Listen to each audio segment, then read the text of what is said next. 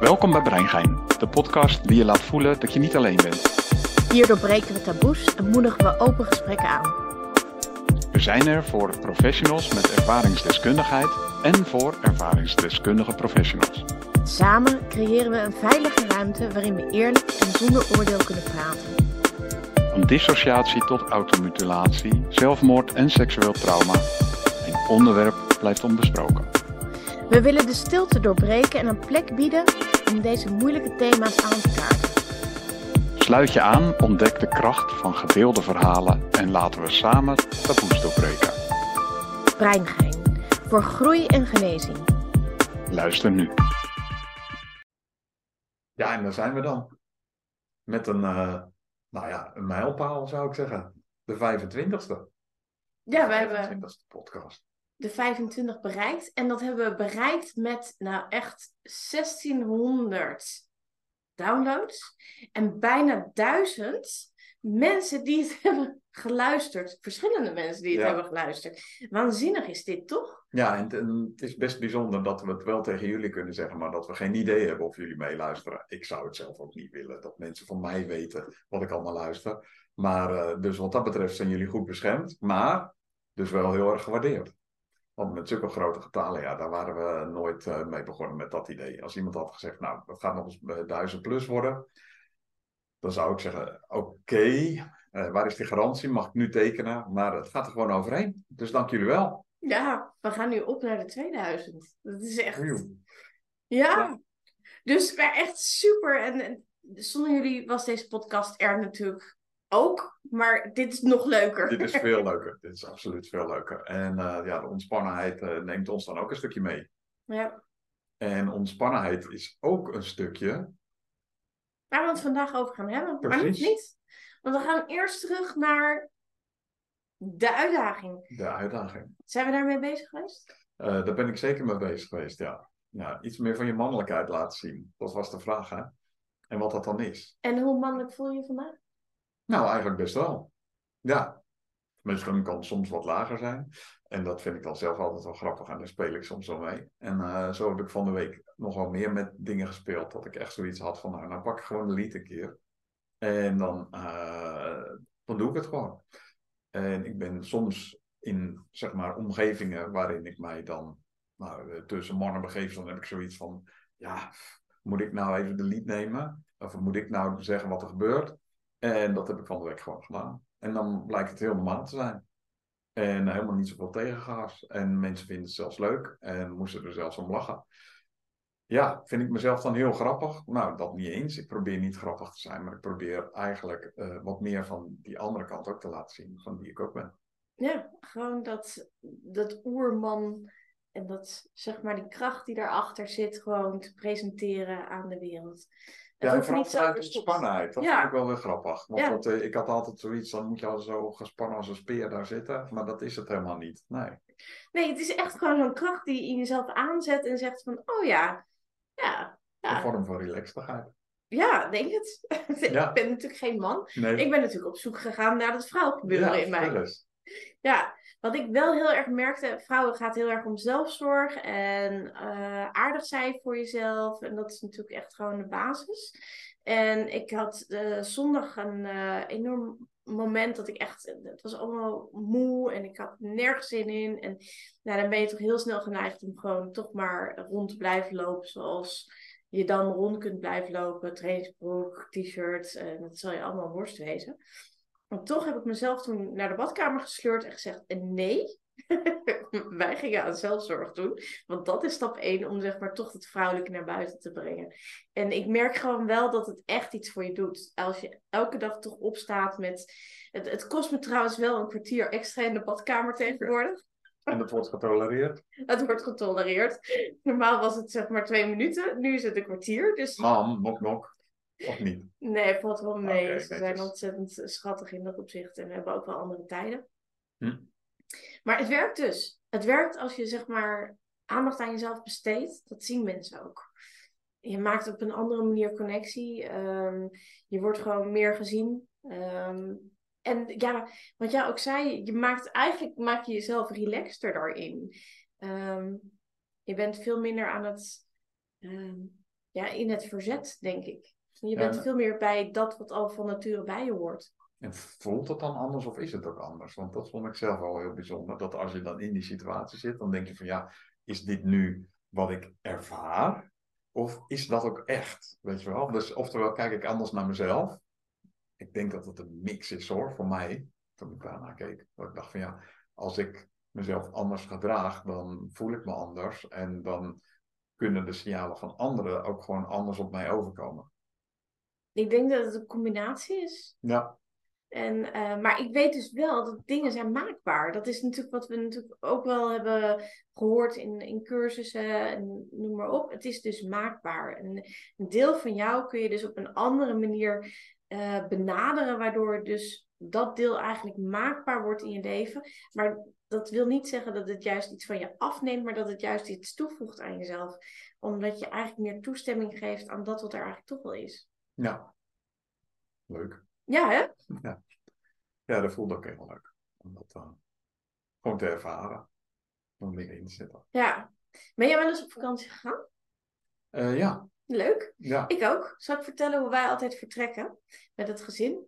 En Nou, daar heeft mijn ja. man echt een enorme hekel aan. Oké. Ja, je moet je voorstellen, iedereen klaar voor de vakantie en dan moeten er tassen mee. En die tassen moeten dan in een auto gepropt worden. Ik denk dat iedereen de situatie kent.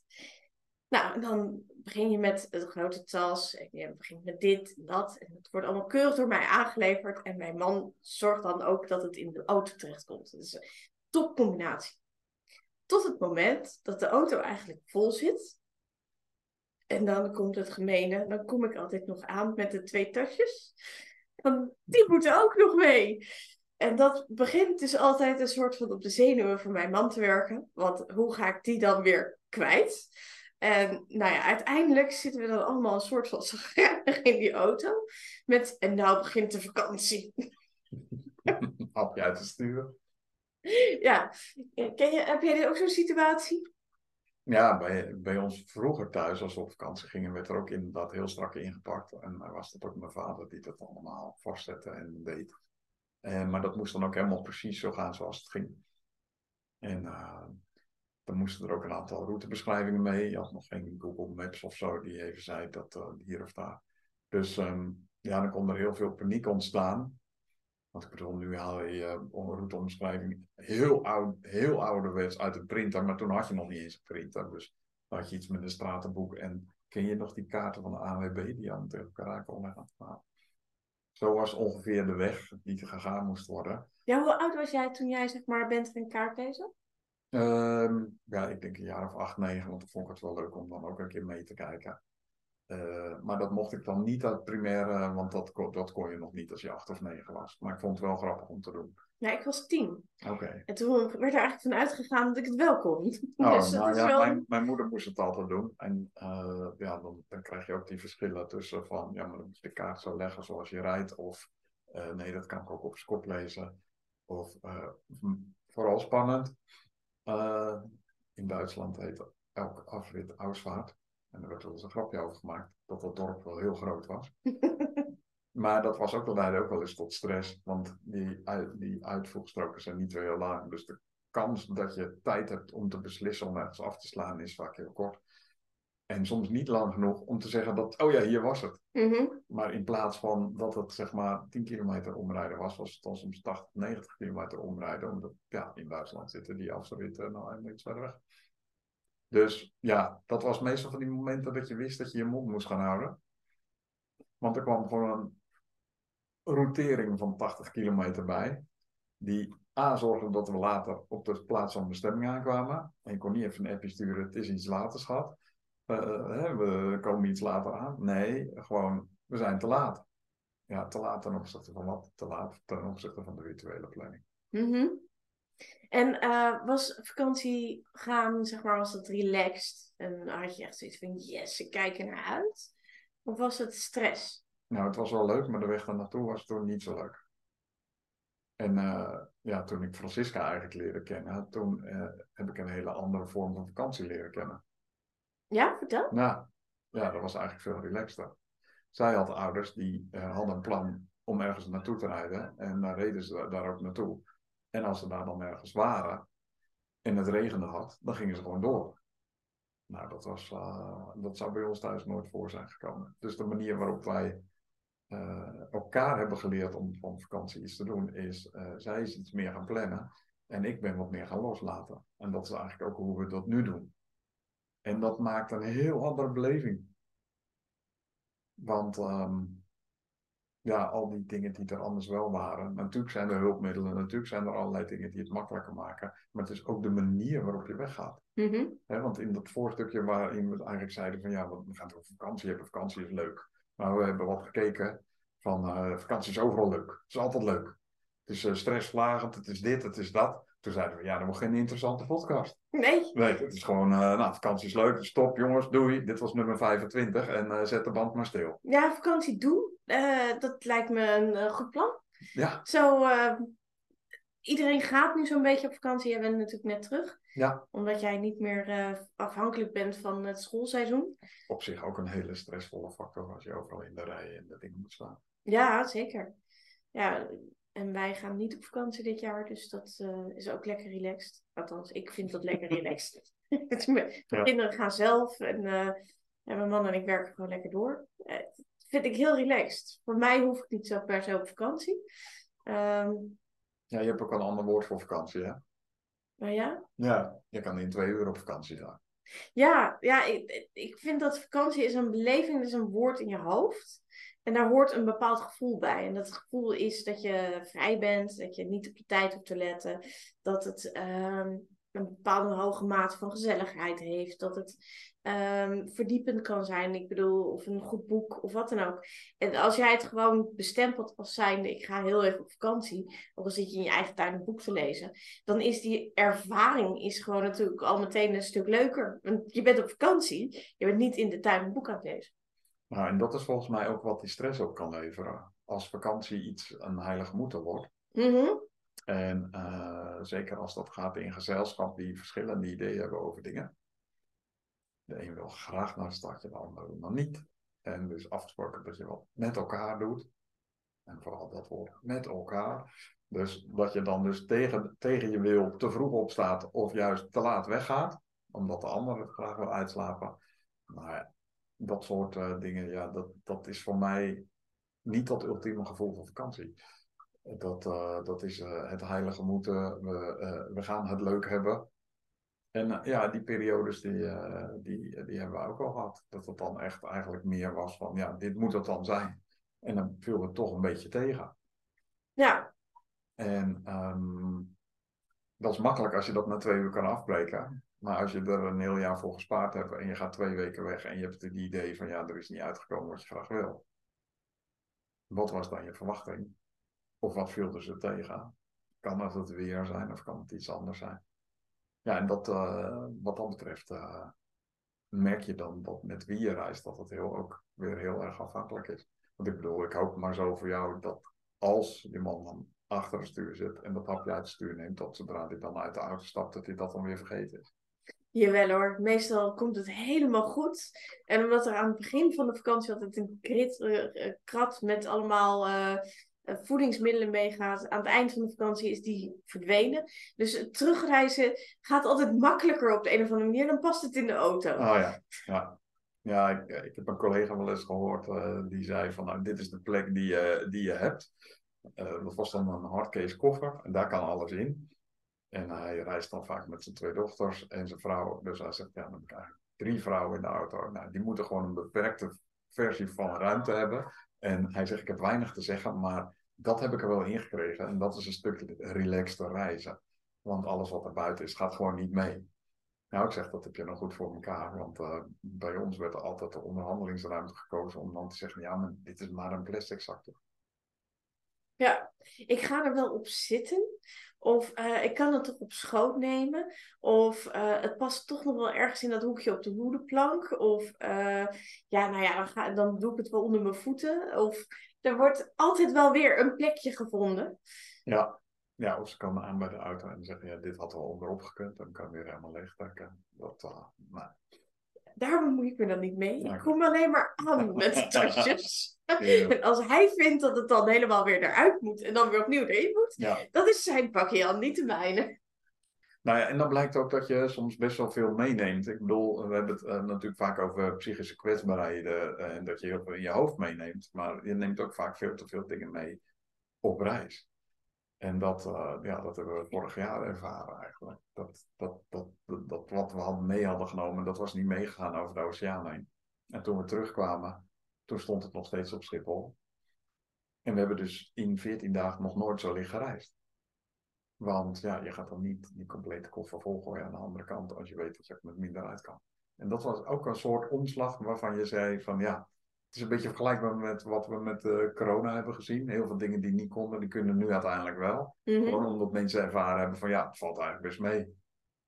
En ehm, ja, dat, uh, dat hebben we dit jaar voor, voortgezet. Dus echt gewoon gezegd, we reizen uh, niet te licht, maar wel heel licht. En dat, uh, dat was eigenlijk super relaxed. Mm -hmm. Dan een hoop, uh, ja, voor jou. Ja, hebben we tips voor vakantie en. Um, want uh, psychische kwetsbaarheid, vakantie, ja. zijn die dingen verenigbaar? Um, nou ja, ze zijn soms onomkoombaar, zou ik bijna zeggen. Want uh, ja, je vindt het natuurlijk altijd leuk om op vakantie te gaan. Want zo wordt dat dan benoemd. Maar de vraag is maar of dat voor jezelf ook zo gaat. Ja, weet je waar ik altijd een beetje mee zit? Is mm -hmm. dat doordat je psychisch kwetsbaar bent en soms ben je je baan kwijt en uh, je, uh, je zit misschien in een uitkering of in een andere situatie, maar doordat je eigenlijk uh, constant bezig bent met ziek zijn, gun je jezelf een vakantie niet. Want dat is niet iets wat mag. Want ja, weet je, uh, je moet met iets bezig zijn. Uh, je moet het verantwoorden. Mm. En dat, dat verantwoordelijkheidsgevoel van, joh, maar ik moet bezig zijn met mijn herstel, met mijn, noem maar op, gunt je eigenlijk niet om de rust te nemen om op vakantie te gaan. Heb je daar ook wel eens wat van gehoord? Ja, je blijft eigenlijk bezig met, uh, met alles wat er nog aan stemmetjes in je hoofd of eigenlijk meegegeven uh, waarden, normen, uh, misschien wel uh, regels die je allemaal aan moet houden. Nou ja, de, de, wat ik dus bemerk is dat mensen het niet mogen op vakantie, omdat ze dus vinden dat ze daarmee tijd vragen. Het, het, leuk willen maken, maar je mag het niet leuk hebben, want je bent zeg maar op dit moment ben je ziek en als je ziek bent dan en dus het zijn een heleboel contradictionele gevoelens die daarin zitten. Dat hoe kun je dan genieten van een vakantie? Ja. Want dat mag niet van de maatschappij. Want de maatschappij zegt, ja, maar als jij ziek bent en je kunt niet werken of je kunt niet uh, voor dat zorgen of je kunt dat niet doen, ja, dan kun je ook niet op vakantie, want dat moet je verdienen. Ja, ja, ja, dat maakt het dan natuurlijk best ingewikkeld. Ja, dus je gaat eigenlijk al met een soort van schuldgevoel op vakantie. En daardoor haal je eigenlijk ook je ontspanning er weer niet uit. Dus ik denk dat we daar ook in de maatschappij wel een keertje naar kunnen kijken. Dat hoe meer je mensen eigenlijk laat ontspannen en relaxen, hoe sneller ze eigenlijk weer opknappen. En dat het dus niet een ontduiken is van je verantwoordelijkheden, maar juist eigenlijk werken aan het verlagen van je stressniveau. Ja, ja wat mij dan te binnen schiet, dat ik gewoon tegen jou zeg, je moet nu ontspannen. Ja, nou ja, precies. Uh, dan gebeurt er zoiets als een verstarring. Van, uh, als dat namelijk de algehele uh, uh, zeg maar definitie van vakantie is, dan mag je dus ook niet gestrest terugkomen. Want ja, als mensen dan vragen, ja, hoe was het op vakantie? En je zegt, nou ja, het is eigenlijk nu nog erger dan tevoren. dan zeggen ze echt, nou, wat is er dan niet goed gegaan? En dan willen ze, eigenlijk het liefste willen ze gewoon horen, ja, het was superleuk. En we hebben het heel erg naar ons zin gehad. En uh, nou, ik durf bijna wel te zeggen dat er misschien soms ook wel eens een leugentje best wel tussen zit. Gewoon van, nou, ik ga natuurlijk niet aan mijn collega's vertellen dat het eigenlijk helemaal niet leuk was. Maar ja, weet je, als je heel lange tijd inderdaad onder zware druk leeft. Uh, of het nou is dat je inderdaad een uh, psychische kwetsbaarheid hebt. Of dat je gewoon een hele lange ziekteperiode hebt gehad. Gewoon, of, je, of je voelt je nog steeds behoorlijk slap. En, en je hebt daar verwachtingen van. -hmm een soort van een oplaadsessie. En dan ben ik daarna dus weer helemaal klaar. Maar kijk maar, ook wat er gebeurt vaak is dat mensen na een week zeggen, ja, ik ben het eigenlijk helemaal vergeten. En dat is natuurlijk onzin. Want als je zegt, maar, stond je dan niet daar? Ja, maar dat weet ik al niet meer. Ja, het is, het is een niet meer weten, omdat er dan weer van alles over je heen komt.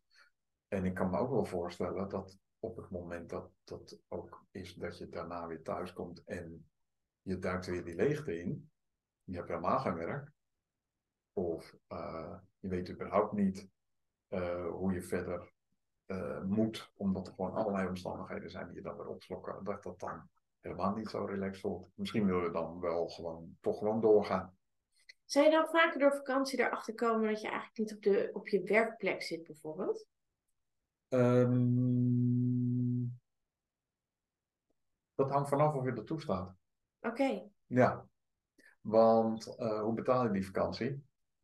Ja. Precies. En wat doe je dan? En wat als, uh, als het niet een vakantie is van gewoon uh, het betaalbare type wat ongeveer de, zeg maar een, in verhouding staat tot je inkomen, maar dat je eigenlijk een ambitie hebt om veel grotere vakanties te maken. Dus mm -hmm. voor iedereen is dat anders. Maar ja, soms kan je wel eens horen dat je denkt, nou, waar doen die het van? Ja, die werken zich misschien helemaal drie slagen in de ronde. Uh, uh, en vinden dat heel erg belangrijk. En ben je dan de rest van het jaar de stress aan het ombouwen om die dan in twee of drie weken weer af te bouwen? Of heb je sowieso niet zoveel zin om de stress heel erg op te bouwen? Misschien kan je dan wel met de vakantie uit uh, twee steden verderop, zeg maar. En dat is natuurlijk toch het stilstaan bij of je werk je werk wel is en of je daar de goede beslissingen in hebt genomen. Ja. Wat nou als je erachter komt dat je eigenlijk al tien jaar doet wat je niet meer wil doen. Mm -hmm. Maar die vakanties zijn zo lekker, want die kan je daarvan betalen.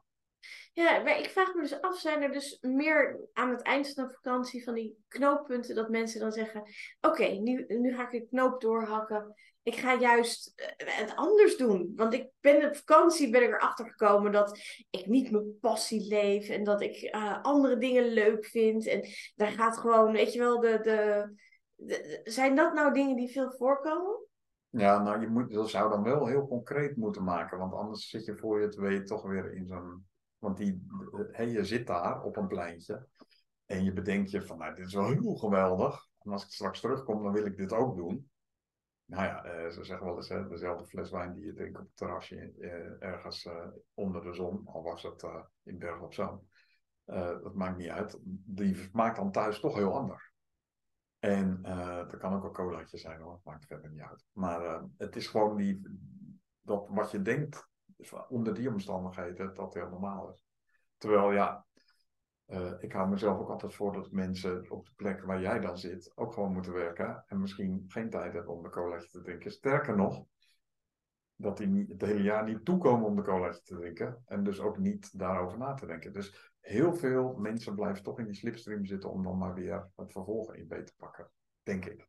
Ja? Ja, die ervaring uh, het kan wel zo zijn dat als je echt tot een soort inkeer komt, maar dan moet je ook nog weer, ja, maar weer net passen. Komen mensen vaak tot inkeer? Laten we dat ook eens vragen. Hmm. Zijn, zijn ja. mensen geneigd om tot een bepaalde inkeer te willen komen in hun leven? Nou, als de vakantie leuk moet zijn, dan is het uh, inzien dat dingen niet zo leuk zijn misschien eigenlijk ook niet iets wat je graag wil zien. Nee. Dus dan is vakantie misschien niet de plek om dat te bedenken.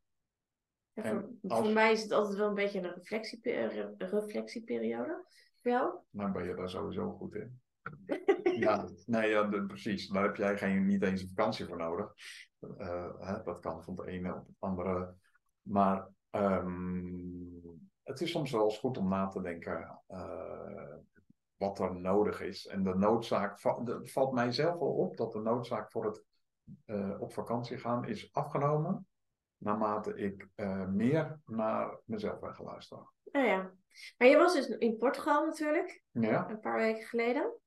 Heb je toen zeg maar stilgestaan bij ik uh, kom weer terug en wat wil ik zeg maar nog de andere helft van dit jaar? Um, en, heb je daar een, enigszins een gedachte aan gewijd? Of dacht je echt, nee, ik ben in het moment en ik ben helemaal op vakantie en ik geniet van wat er is en... Uh,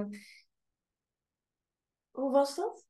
Nou, ik ben eigenlijk gewoon wel echt op vakantie geweest. Dus ik heb eigenlijk niet echt uh, met die uh, reflectie gezeten van wat ga ik dan doen en nee, dat heb ik echt even laten liggen. En dat komt ook omdat ik daar best wel vaak mee bezig ben in de dagelijkse gang van zaken. Sterker nog kwam er toen op maandag achter dat ik ergens naartoe moest waar ik geen rekening mee had gehouden. En ik kwam pas om kwart voor zeven, half acht thuis. Terwijl ik gewoon een relaxe dag dacht te hebben. Dus, en dat is me eigenlijk maar heel weinig overkomen. Want uh, vroeger was ik eigenlijk altijd al bezig om dan weer een beetje vooruit te kijken. Om te kijken hoeveel stress ik op maandag zou krijgen. En als ik dat dan deed op een vrijdag, als ik bijvoorbeeld terugkwam. Dan had ik uh, op zaterdag en zondag als, dat ik mijn nagels zat op te eten. En nu had ik zoiets van, ja, ik zie je dan wel. Hebben we tips voor vakantie? Um, ja, zit je, tenminste, ja, als ik het mag zeggen, uh, van hoe ik denk dat leg de lat niet hoog. De verwachtingspatroon. Ja. Niet aanmaken. Nee. Laat jezelf gewoon uh, verrassen. En ga eens een keertje met een beetje meer de ballen Verrassend en uh, nieuwsgierigheid um, op die manier aangaat je vakantie in. Ja. Spreek, en... spreek ook af dat je daar met mm. jezelf niet in conflict komt. Ja, neem ook de vakantie. Dus own it. Weet je wel, dat je niet zegt van, oh, maar ja, eigenlijk had ik dit en nog dat en zus en zo. En nee, own it. Dus als je dus zegt, ik claim deze uren of ik claim deze, dit weekend of ik claim deze week of twee weken als vakantie, dat je het echt gewoon daadwerkelijk uh, van jezelf maakt. Ja, ja, en weet dan, want dat is het mooiste, je zegt dan van jezelf maakt. Wat is dat dan? En uh, ja, wees ook niet te streng voor jezelf. Want je kan dat natuurlijk helemaal uitvogelen en denken dat dat het meest geweldige iets wordt. Soms kan iets tegenvallen waarvan je heel veel hoop had gevestigd. Ja, maar dat wordt echt, daar, daar is waar alles om draait. Maar als je het loslaat, dan kan je soms ook momenten hebben dat je denkt, nou, daar had ik nooit op gerekend. En ineens stonden we daar. En toen dacht ik, zo, maar dat hebben we mooi maar wel gezien. Mm Ja. Gehoord, gevoeld, gekeken. Whatever. Nou, dat waren een paar tips van ons uit. Dus dan gaan we nu over op uh, de uitdaging. Um, ja. Ja? Uh, de uitdaging. Ja, we, we, we, hadden het al even over gehad. Van misschien kunnen we een verdieping maken. Een verdieping op uh, in mannelijke vrouwelijke energie. En daar iets meer mee spelen. Mm -hmm. En dat zou dan dus betekenen dat je er iets bewuster mee omgaat. Klonk wel heel bewust misschien. Maar nou, we hebben het nu eerst gewoon meer gelaten. Ja. En meer gewoon de, de, zeg maar de, de, de kwaliteiten gepakt. Stel nou voor dat je je echt ermee verbindt en dat dus ook iedere keer bewust opzoekt. Ja, misschien ook wel uitspreekt. Of in ieder geval heel duidelijk laat zien. Ja, dat ja. Voelt spannend, maar... Doen jullie weer mee? Ik uh, nodig jullie van harte uit. Super top. Yes. Do do.